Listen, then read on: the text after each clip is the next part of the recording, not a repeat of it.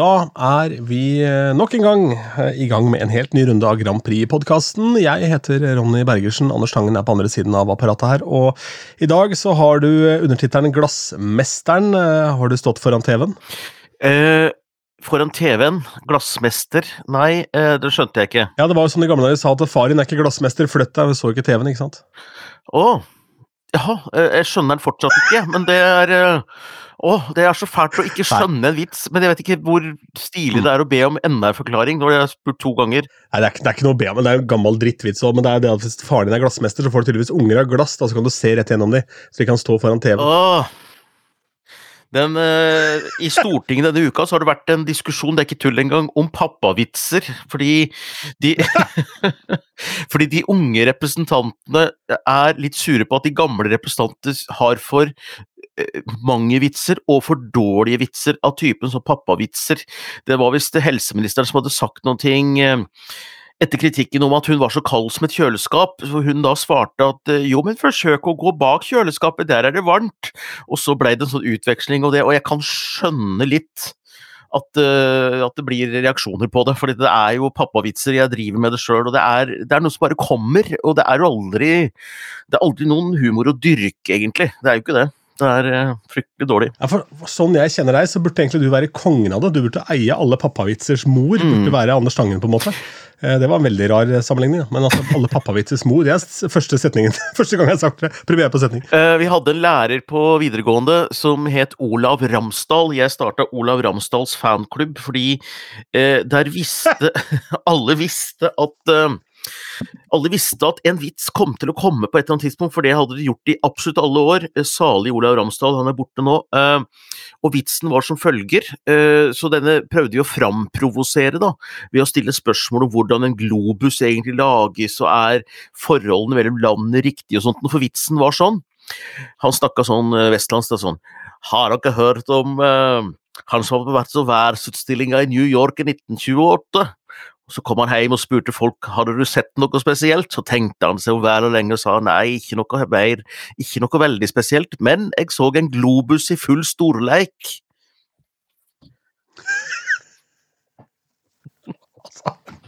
Ja. Ja. Okay. Skal vi Ja, men Glassmesteren, jeg er ikke ferdig med Glassmesteren. Eh, det er jo bare, var jo bare avledninger. Jeg har ikke kommet til poenget hvorfor jeg kaller Glassmesteren i dag. Det er at eh, Vi har hatt julebord i AMT Kommunikasjon og Kultur, som er et eh, selskap bestående av to personer, meg og min samboer. Så vi var på restaurant Pallas Grill, og der hadde de vinpakke. De er veldig rause med vin, og det er veldig trangt der når du skal ut. Og det er eh, kaldt, så jeg har verdens største dynejakke, og kjæresten min hadde på seg en sånn dynejakke hvor hun sa at jeg så ut som en kålorm i den, og det gjorde hun. Så det var kålormen pluss meg som var ute på tur og skulle ha på oss jakker. Og jeg sopte altså med meg en hylle med sånne dyre vinglass uh, idet jeg skulle ut Nei. der.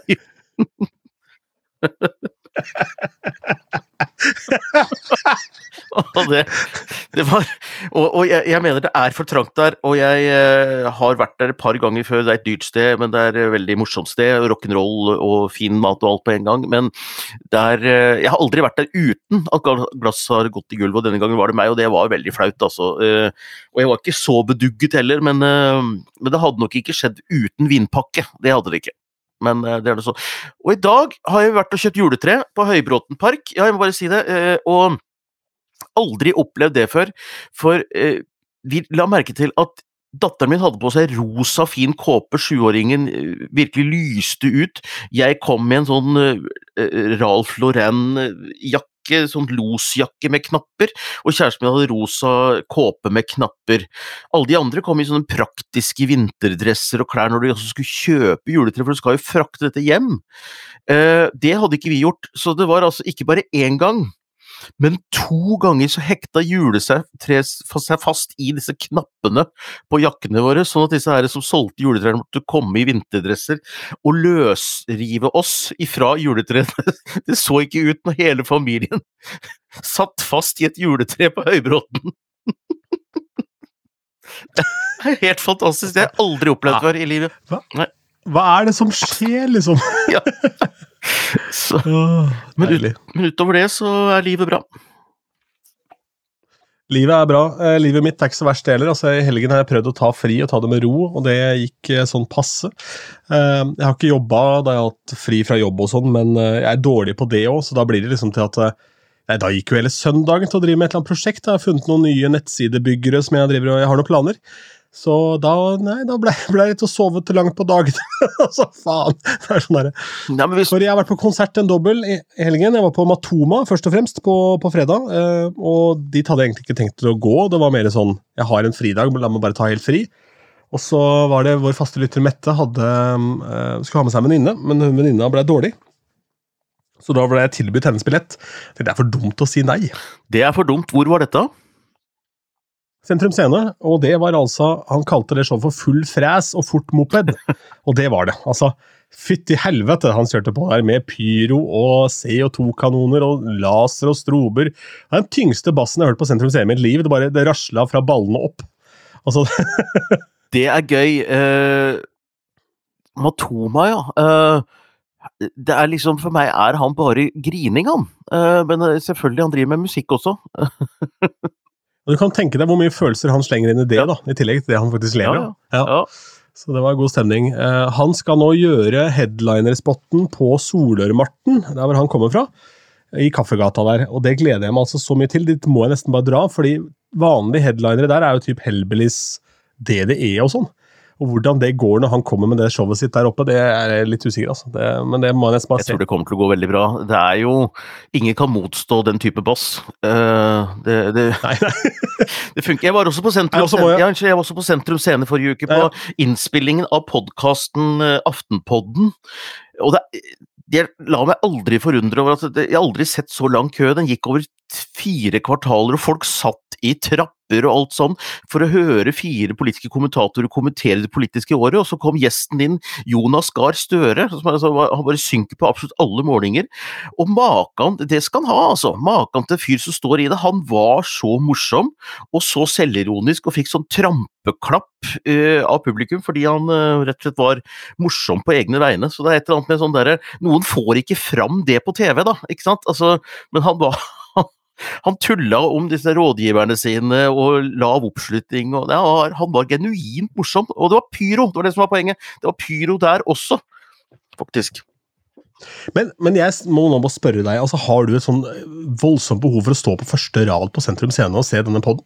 Nei, men uh... Nei, for Sentrum Scene er en venue hvor du ser bra fra absolutt alle plasser i lokalet, du hører bra absolutt overalt. Du skal høre på en podkast, da venter du til det er 20 minutter igjen, så bare går du Det er jo ikke noe kø. Nei da. eh, jo, det var det det var. Så, så de slapp inn litt seint og sånt. Så jeg vet ikke hvorfor det gikk så tregt, ja, men, men du har helt rett. Du har helt rett. Så neste gang jeg skal eh, ned og høre på en podkast, så eh, skal jeg bare tusle inn eh, fem minutter før men, men de hadde vært så nøye skjønner du, med å si denne gangen at de begynner halv åtte fordi av gjesten. Jeg visste jo ikke da at det var Jonas Gahr Støre, men eh, jeg skjønner godt at med det pressa tidsskjemaet og sånn, så måtte de starte halv åtte.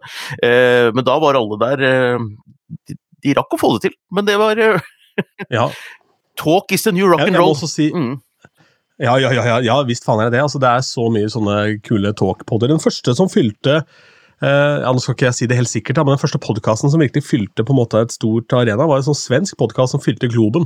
Og da var det sånn folk bare Ja, nei, det var rein flaks og sånn, men se nå liksom hvor mange som er interessert i å gå og høre på bare live-ting. Det blir en annen nerve når du er i rommet, fordi eh, du er vant til De blir vennene dine, vet du. Du har de i øret hele tiden. Det blir så tett på. Og det som var litt genialt med Aftenpodden, er at de legger ikke ut det de spiller inn live.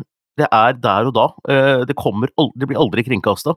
Fordi som hun sa, eh, hun Sara Sørheim sa at eh, for alt vi sier er vel ikke like presist. Det hjalp vel Støre Men også. det er en kul måte å gjøre det på. En kul måte å gjøre det på. Og det er det er derfor stilte nok Støre opp også, tenker jeg. Fordi, og derfor så kunne han få slappe av litt og kose seg, fordi da ble det ikke målt på alt du gjør i livet. Sånn, jeg ser der, ja. Han tok seg til nesen, ja. Jaså, ja. Ikke sant? Altså. Han hadde fløyelsstress, ja, for han hadde Men- faktisk det. jeg må også bare si at jeg var da Det ble i juli i år også. Jeg var på Sentrum Scene og så Big Bang på lørdag. Og den settlisten, den var, det var altså så kuler og krutt. eh, Og for et helvetes bra band. De altså. holder på på samme måte som de har gjort. Ja, gir ut nye skiver. Spiller, han har jo spilt med de samme gjengen nå i nærmere 20 år, da, så han var veldig eh, og da, veldig sånn takknemlig for det. Og som, det som er så deilig med Greni, er at eh, du hører at han Han koser seg og sier 'fy faen, det er så jævlig gøy å se dere!' der, og det er ikke noe tull, det er ikke noe fjas. Ja. Det er bare rein, skjær glede av å være der. og det, ja, fy faen. Han har ikke satt seg til på en barkrakk ennå, med notestativ. Det, på et eller annet tidspunkt gjør jo veldig mange det. Overhodet ikke. Ja, nei, det er ikke, ikke noe notestativ i, i, monitor der. Men skal vi se. Eh, du har faktisk Nå må vi nesten komme inn i Eurovision kjøre her, for nå har det gått ti minutter, tenker jeg. Eh, så du har jo sett den ukrainske finalen du, eh, i 2022. Det må være en litt spesiell opplevelse? Ja, ja. Det er mange som har sett den, fordi den ble kringkasta veldig på nettet. Fordi når du skal sende TV-program i Ukraina, så kan du ikke stole på TV-signalet kommer fram. Så det er veldig Den ble strømma på YouTube, og det er en side som heter Zapp Oppo, eh, som eh, ble lagt ut veldig kort tid etter at krigen brøt ut, hvor du kan se alle, alle kanaler ukrainsk TV gratis på en mobiltelefon eller sånne ting. Det er klart at det er, det er viktig. Ja. Og eh, Nei, finalen var jo da ifra Maidan-plassen, altså der Denne store plassen i Kiev, i underetasjen der, holdt jeg på å si. Altså bomberommet, T-banestasjonen. Og det er klart at hvis du har utstyr, du har TV-linjer, og du har lys, og du har lyd, så, er det like greit å sende fra en T-banestasjon som en hangar ute på Fornebu. Altså, det er, det er, et mørkt rom, en blackbox, det er et studio. Men det du så, at det var mange som var litt kalde, fordi eh, det var dynejakker sånt blant publikum, og du hørte av og til en sånn tog eller noe sånt som gikk i bakgrunnen der, og, og, og det er jo en litt spesiell situasjon å vite det.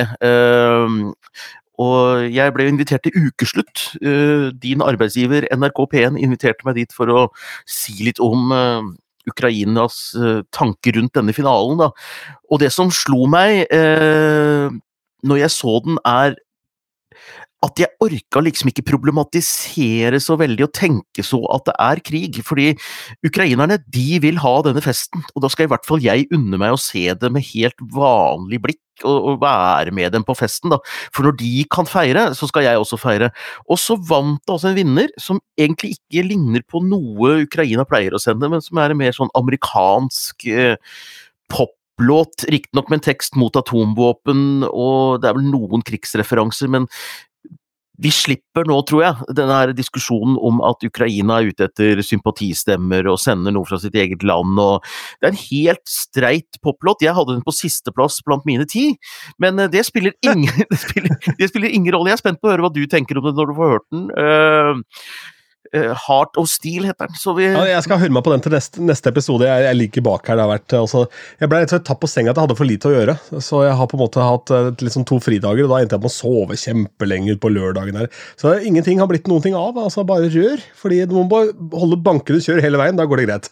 Hvis du tar deg tid til å slappe av, da mister du Da river du ned vinglass på restaurant, og da er du helt på kjøret. Det er da du skal begynne å spille boble doble på TV-en din, hvis du har smart-TV. Det har jeg Eh, blitt hekta på. Det er et helt håpløst dumt spill. Så jeg sitter, hvis jeg må slappe av, eh, så sitter jeg der og skyter ned bobler, og jeg er blitt helt eh, hekta på det. Jeg har holdt på flere måneder. Nå er jeg på level 16 av 18. Det er jo ikke bra det i en alder av 55 år, da. Nei, det er, det er, mye som ikke er bra med deg. Men det som, er, det som jeg syns er artig, er at den låta var jo da verken høyt hos bookmakerne, så vidt jeg kunne se på forhånd, eller men det var tydeligvis det ukrainerne mannen i gata likte? da. Ja, og jeg syns det er interessant, fordi at uh, det tyder kanskje på at ukrainerne også er eh, opptatt av å tenke på noe annet, da, og ser dette nettopp som denne pausen. og de, I det samme studio så har de også hatt finale i The Voice, så eh, de forsøker å ha en normalitet. da. Eh, det morsomme var Eller morsomme Jo, det, jo, det var morsomt. det var en som heter Charlotte, husker ikke etternavnet, som er utenriksjournalist i NRK, som var med også i innslaget. det var jeg, så var det Stig Karlsen, og så var det en Charlotte i ukeslutt. Og hun Charlotte fortalte hvordan det var å være i dette bomberommet, fordi hun har vært der mange ganger som utenriksjournalist.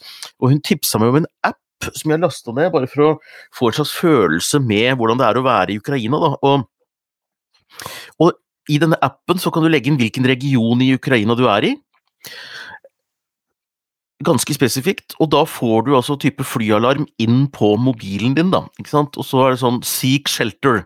Og så, og så, er det en mann som løper bortover på appen. Uh, og så er det sånn derre uh, Faren over, uh, og da kommer det opp en sånn fredsdue. Og, og, og, jeg har sittet nå i kveld liksom, og bare hatt denne appen på, og jeg har på sånn varslingsmodus. Så jeg har sittet og bare hatt et hatt sitter og prater med samboeren min, planlagt jula og sånt noe, og den har altså pipe i et kjør med sånn flyalarm og Seek Shelter, å nei, nå er, det, nå er, det, mulig å gå ut igjen, og, og så da, da, fikk jeg bare sånn følelse av hvordan det er å være i Ukraina, da, og at da hvor mye forstyrrelser det blir av disse alarmene og appene og søk tilflukt nå, og um, hvor lett det kanskje er å gi blaffen til slutt, for du vet at som regel går det bra, men uh, så det at de greide å ha en normal finale i MGP, eller Eurovision, da, uh, i uh, Ukraina, tror jeg betydde utrolig mye for dem. Og um, jeg er litt glad for at det var den type låt som vant også, for nå kan de i hvert fall ikke beskyldes for å spille på nasjonalisme, eller altså Det er en helt streit poplåt. Den appen må vi legge en link til under her. og så Absolutt. Tenker jeg det at Ikke ha på den hele jula, det kan bli litt dårlig stemning på juleselskap. tenker jeg Hvis det bare piper og flyalarm hele tida. Ja, og, og det er liksom, jeg, vel, jeg, jeg tillater meg å humre litt av det, fordi at jeg skjønner at det gjør ukrainerne også, fordi det er noe med utforminga på appen og sånn at det er liksom ikke dødsens blodige alvor, da. Det er på en måte litt sånn De prøver å ha en letthet i møte med det, det tror jeg vi trenger også, så det er fint. Og så er det jo spanskelåten har kommet også, ehm, så der er også rangert litt. Hva får vi i år? Blir det, altså, blir det noe rumpemonitor? Får vi noe ordentlig som det var i fjor? Jeg tror ikke vi skal frykte noe annet, for det er maken til spansk finale. er, eh, jeg har selvfølgelig bare hørt disse låtene, men det er eh, høy vrikkefaktor, altså. Det er damer som synger på spansk om uh, la og, eller hva det er for noe. Og det er mye av det. Uh, mye Veldig, veldig, veldig spansk. Ikke noe veldig spennende, men uh, veldig spansk. Så, så starter jo Albania starta jo, når vi sender dette på tirsdag morgen, starta mandag kveld. Fire dagers finale. Festivalis Kengis. Den har jeg ikke begynt å følge, men nå surrer og går dette her. Eh, så det er ikke lenge før vi har eh, to låter klare til årets Eurovision. Men Det er artig det du sier om spansk, da, fordi jeg veit ikke hvor, på en måte, hvor løse hofter Tangen har. Jeg. Nei, vet du hva, jeg, jeg, jeg jeg har jo ikke kontakt med kroppen min. Eh, jeg er livredd ball. Jeg tålte ikke gym og sett meg til å danse. Jeg kan sitte og skravle, jeg har en slags kontakt mellom hjernen og kjeften. Men eh, å bevege meg elegant rett i ryggen og holdning jeg, jeg, jeg, kan jo ikke rette ryggen Nei, vet du hva, jeg, jeg har jo ikke kropp, jeg, egentlig. Den er bare noe jeg drasser på, dessverre. Så jeg har Det er mulig jeg har løse hofter, men jeg greier i hvert fall ikke å styre det. Nei, så Da kan vi jo si at du er den dårligste i hele verden til å bedømme de spanske låtene, om de har noe for seg. Yes. Fordi det jeg tenker er at det er ofte fra Spania den type land at det dukker opp låter i etterkant som blir hits på dansegulv og sånn. ikke sant? Uh, så det er jo spennende å se, for akkurat nå så driver jeg og det ligger jo for øvrig an til å bli utsolgt, det er veldig gøy, på forhånd. Vi driver og selger billetter til en sånn Spider Reunion fra det utestedet hvor jeg begynte å spille en gang i tida. Og den sangen som forandra hele gamet for hvordan man gjorde DJ-ing, og hvordan på en måte det dansegulvet fungerte, var Shakira med Hips Don't Lie, med Whenever Wherever. For altså, Du kunne ikke ignorere hennes colombianske rytmer når de kom inn der. ikke sant? Og Da endte det opp i rein protest. Så Jentene satt i trappa og venta til, til DJ-en som bare elska tekno, var ferdig med det. Uh, og når han var ferdig med å spille tekno, så fikk du noe R&B, og det hata DJ-en, og jentene elska det. Og det var på en måte også min store break, da, med at jeg uh, visste jo ikke bedre, holdt jeg på å si. For jeg hadde ikke enda skjønt at det var så kult å spille tekno. Så jeg endte opp å spille mye mer R&B og hiphop og sånn enn par av de andre, og så fikk jeg mye mer gigs, da, så det var jo veldig gøy. Men uh, jeg sitter og hører tilbake på de låtene nå, og det var mye der som egentlig ikke hadde livets rett, men som Ketchup Song, for eksempel, har jo ikke livets rett, den låta. Er verdens verste låt. Men allikevel, den klarte jo å gjøre nytte av seg den gang da, så Jeg har bare hørt snipplets av de spanske låtene, men det er nok låter der som uh, har det samme potensialet som spanske låter har hatt uh, de siste tida, med uh, Ja, som du sier, med dansefaktor, altså, for det er mye rytme.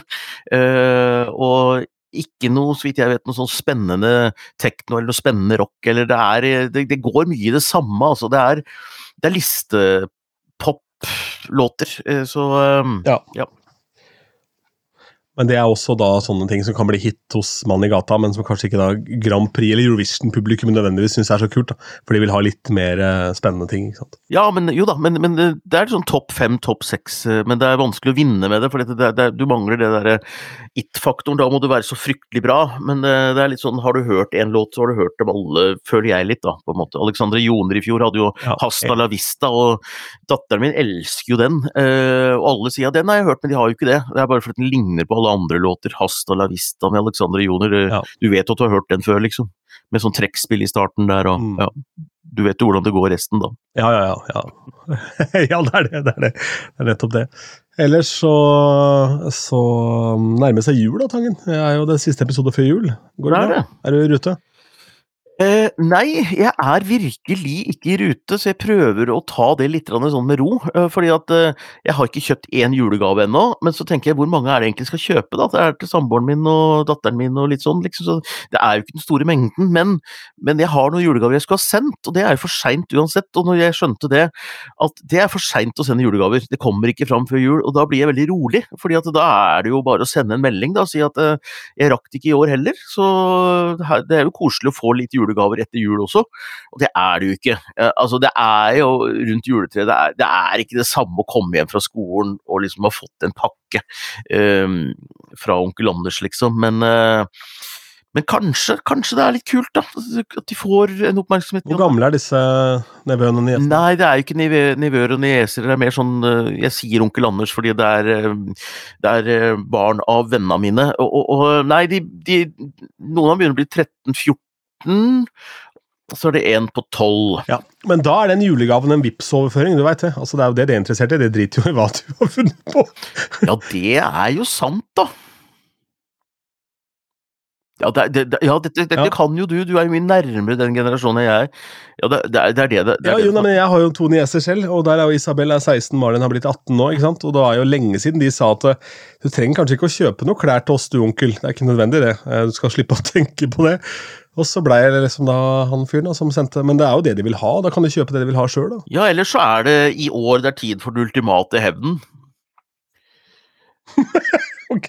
Nei, altså, jeg har jo fått så mye sånn hjemmelagde gaver. Jeg kan jo lage noe. Du kan sende over litt av din dram, ja. Ja, ja, ja.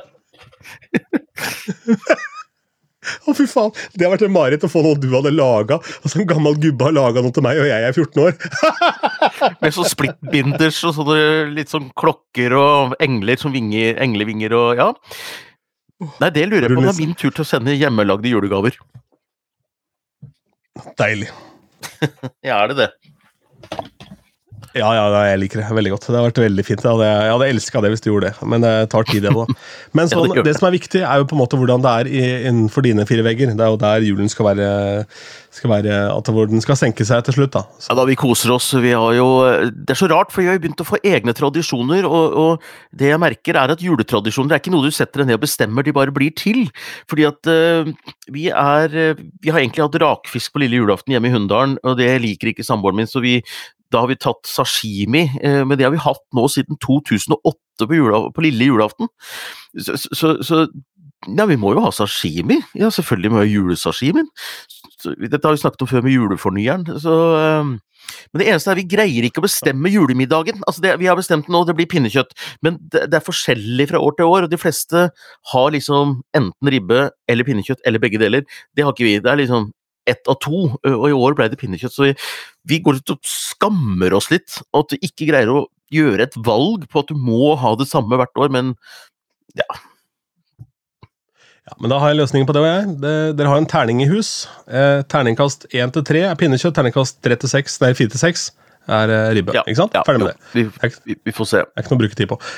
Men jeg må si det at snakk om å trade up. da. Du går fra rakfisk, som også er fermentert, det er råtten fisk, Mm. til eh, sashimi. Det er faen meg Der har kjerringa di gjort en eh, bragd, altså. Det må jeg si. For der, altså, der, har, der har hun fått gjennom en, en virkelig oppgradering av den. Ja, ja, ja, du syns det? Ja, du syns det? Ja, nei, jeg er, jo, jeg er jo matfundamentalist når det kommer til rakfisk. Det skal være gammel, og det skal være vellagret, og det skal lukte og, og sånt noe. Så det er, eh, men det er klart at det er stusslig å være den eneste i huset som liker det, da. Eh, fordi du forpester jo huset, mener de, da. Jeg kjenner det jo ikke sjøl. men det er godt, da. Så du har ikke, du har ikke smakt, eller? Eh, Jo da, jo da, jeg, jeg har smakt. Jeg bare er veldig glad i sashi, Sashimi, sashimi. sashimi Jeg syns det er mye bedre. Ja, mye bedre. ja, eh, Jeg har jo siden sist eh, Tror jeg Nei, det har jeg ikke. Vi gjorde episode etter at jeg har vært på Simply Red. Gjorde jeg ikke det? Jo, det gjorde du vi. vi Ja, snakket om at de var røde i toppen fortsatt. Det er jo eh, Ja. piken med svovelstikkene, på en måte. Så det er litt sånn jule... Gubben med svovelhue? ja, gubben med svovelhue. Så det er jo julestemning over det òg, men ja. Uh, eh, ellers så, uh, ellers så hørte jeg en forferdelig historie i dag. Eh, jeg jobber jo som karriereveileder og hjelper folk ut i jobb. Jeg snakka med en i dag, jeg har jo taushetsplikt, så skal selvfølgelig ikke si hvem dette her er, men så fortalte at han hadde en kompis som for mange år siden hadde kjøpt seg kryptovaluta, hadde kjøpt seg bitcoin. Han hadde, hadde, eide, han hadde kjøpt 16 stykker for veldig mange år siden, når det kosta kosta noen få kroner per bitcoin. Nå er visstnok visst én bitcoin er verdt sånn 1, altså vanvittig mye penger, i hvert fall. I hvert fall så hadde han en beholdning nå på 160 millioner kroner på denne portalen hvor han, eh, hvor han har bitcoinen sin, for han vet jo antallet. Men det er bare det at han husker ikke passordet han må ha for å komme seg inn, og dette er jo vill vest. Du, ikke, du kan ikke gå til en namsmann og si at ja, men det, denne kryptovalutaen er min, eh, selv om jeg ikke husker passordet. Det er ingen sikkerhetsforanstaltning. Husker du ikke passordet, så får du ikke logget deg på. Så ifølge han da, så er eh, vedkommende da Han hadde vært 160 millioner kroner rikere hvis han bare hadde greid å huske det passordet, eller ta vare på den lappen fra det året hvor han kjøpte dette her bitcoin. Og jeg tenker, for en situasjon! Det ødelegger jo hele livet ditt. Altså, jeg, jeg hadde jo gått rundt og leita etter den lappen alltid, eller prøvd å huske hva slags type passord hadde jeg i 2016? Altså? Det, er, det er umulig å tenke på det, Anna. Hvis jeg finner det, så er jeg 160 millioner kroner rikere. Hvis jeg ikke finner det, så er det samme greiene i ti år til. Jeg, jeg ikke noe sjekka, altså Akkurat i dag så er én bitcoin verdt eh, 16 589 dollar. Eh, og Det kosta jo ikke en dritt å kjøpe den den gangen da, så det er mye penger. Men samtidig så tenker jeg denne børsen, eller hva faen eh, hvor han har disse bitcoinene, de har jo en sånn lost password-funksjon, de også. Ja, de må jo ha det. jeg, vet jo, jeg kjenner jo ikke sannhetsgehalten i dette, her da, men det er jo en uh, fantastisk film, da. Om han som, mm. han, som mangler, han som har ett passord unna en tilgang på 160 millioner kroner. Jeg veit ikke om det er en fantastisk film. Nei. Nitrist, eller hva det er. Eh, nei, for hva er spenningen, liksom? Det er litt sånn herre Å, greier han å finne passordet nå? sånn nærbilde av sånne tastaturer. ja, nei, det er kanskje en dårlig idé. Uh, eller så må jeg si, jeg har, apropos TV, jeg har sett, jule, jeg har sett Julestorm, uh, som er en sånn derre morsom serie fra Gardermoen, hvor de snør inne, hvor det er masse folk da, som lever ulike liv, som plutselig kommer i kontakt med hverandre. Det er litt som Love Actually, men på Gardermoen. Ganske morsomt. Der er det en popsanger som uh, har en rolle, som spilles av uh, Elise Broch. Ja, uh, skuespillerinne. selvfølgelig. det som irriterer meg, jeg syns serien var ålreit, fått dårlige kritikker. Jeg får ikke høre én låt med denne popsangeren, Ida C, som hun heter da i rollen. Ida C. Når du lager en sånn serie, du må jo vise hva slags popsanger hun er, og så må du bruke anledningen til å lage en hit på Netflix som kommer på listene. Du må jo ha en avslutningslåt som er med Ida C, eh, og som framføres på en konsert. Vi har ikke sett henne i en action i det hele tatt, vi bare vet at hun er Europas største popstjerne fra Norge som skal ha konsert i O2 Arena i London. Og det, Hun kommer seg ikke dit pga. at hun er innesnødd, hun også. Det er noe av plottet, da. Og så får vi ikke høre henne synge! Jeg blir så irritert på det! Jeg vil høre Ida C synge. Det ville jo tatt en betydelig del av budsjettet å skrive den store hiten som det må bli for at det skal være troverdig at hun skal spille i O2. Spør meg, jeg er billig, jeg. Jeg har refuserte låter i skuffen. Ligger haugevis. Nei, men dette er faktisk et godt poeng, fordi eh, filmen den var også ganske ræva. Men eh, fikk i hvert fall dårlig kritikk, men jeg likte den veldig godt. Og det var Music and Lyrics med, med Hugh Grant og Drew Barrymore. Hvor han da er en eh, eldrende popsanger, og jeg må si Pop Goes My Heart med Hugh Grant, som også kommer i kommentarfeltet under her, eller i, i beskrivelsen. Den eh, er jo en voldsomt god 80-talls-poplåt. Så god at den rata bra nok blant lytterne til Radio 1 til å havne på deres spilleliste ganske fast, og det var ganske gøy å kunne spille den låta blant alt annet som kom på den tida rundt 2006-ish. Ja, og så er det gøy også med den filmen Eurovision Fire Saga. Eh, låta 'Husavik' som plutselig fikk en Grammy, og som ble en hit, da, som er en kompetent poplåt. Og det var et par-tre andre låter også fra den filmen. Men det er klart at Will Ferrell har vel kanskje noe mer eh, budsjetter på filmene sine enn eh, Elise Broch på Gardermoen. Og så var jo også her eh, litt av forutsetningen av at du skulle skrive masse drittlåter, og så skulle du skrive én god. Eh, og så hadde du en eh, Netflix i ryggen, så kunne du skrive Ja ja ding dong, som er en fin låt, f.eks. og så kunne du, ha, kunne du bruke alle pengene på Husavik. ja, ja, ja. Men Ja da ja da ding dong er jo blitt en uh, klassiker i Grand Prix-miljøet, faktisk. Det er veldig gøy. det er en klassiker i alle miljøer, tror jeg. ja, ja. Nei, men han derre vi si jul der, eller? Jeg må bare si han derre sinna fyren som ligner litt på deg, forresten, som står 'spill', ja da, ding dong! Det er veldig gøy, altså. Det er På alle fester Har du opplevd det når du er DJ, at noen har ropt det 'spill', ja da, ding dong! Ja. Ja, det jeg opplevde var en jente som, opp, som brøla det til meg. da. Så jeg hadde en sånn, For det var jo så rart, for den kom jo midt under pandemien, den filmen. Det var jo det som gjorde ja, så, så Utelivet var ikke ja, ikke sant? Så Utelivet var ikke åpent ennå, så de få som var på utestedene, og de måtte jo sitte, og så hører jeg liksom bare brøling 'Spill ja ja, ding dong', og det var ikke noen låt man satt til det, akkurat. Nei, men det er gøy. Nei, nei men skal vi, du, skal vi ta juleferie, da? En god jul? Ja, vi ønsker hverandre god jul, tenker ja. jeg. God jul til alle lytterne. Og så tenker jeg jo at uh, Bruk en juledag da, til å finne fram en gammel uh, Eurovision-finale uh, på YouTube. Det er veldig gøy å ha på det. Jeg anbefaler det som en sånn eller mener romjulssyssel hvis du ikke har noe annet å gjøre. Og bare ha det på i bakgrunnen. Uh, veldig god tidsmaskin. Noe fra 70-tallet f.eks., med masse høyhælte sko og rare gardiner som kostymer. Det er et godt tips. Ha en god jul, Tangen. Og så sa du juleferie, men det er det jo ikke. Vi er tilbake om en uke, vi. Vi er tilbake.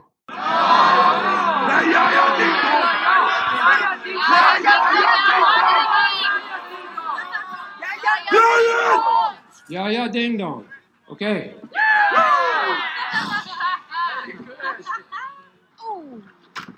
Hey, Lars! Get back in there right now and play Yeah, yeah, ding dong! No, we are done for tonight. You have to play it! Why do I have to play it? I already played it. I don't care! You have to play it again! Tell me, when will it be enough for you? It will never be enough!